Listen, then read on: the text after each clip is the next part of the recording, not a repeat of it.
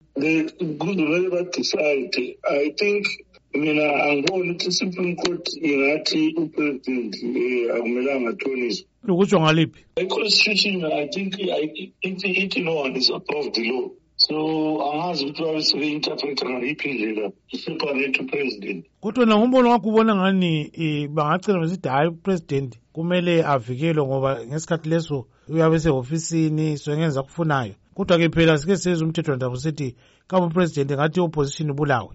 ye yeah, i think ama-argument anjalo aqakathekile ngoba then where do you draw the line kumele kube le line phela ukuthi hayi upresident okuthize angeke akwenze eh, angaqiniswa so i think sokuzoya case by case ukuthi icala litheswayo yiliphi eh and njalo eh, i-immunity yakhona iphelela iqala kuphi iphelele kuphi ye kodwa-ke ubona ngazani sibili bangamgweba kacine valelwa kumbe nxa engavalelwanga bacine ngena futhi ku-presidential eh, election yangikhona le Well, there is a very high possibility ukuthi bangamthola elecala agwetshwe. Yilokho layo uyakwazi. That's why noma icampaigner uyamuze itshela abantu bakho ukuthi eh la njalo nama nama nama survey abawenzayo bebuza abantu bakho ukuthi eh noma a- anga- angavalelwa ayejele lizomvotela na. Eh, ngoba abathi constitution ayimalisi umuntu noma esejele ukuthi acontest ukuba ngupresident. so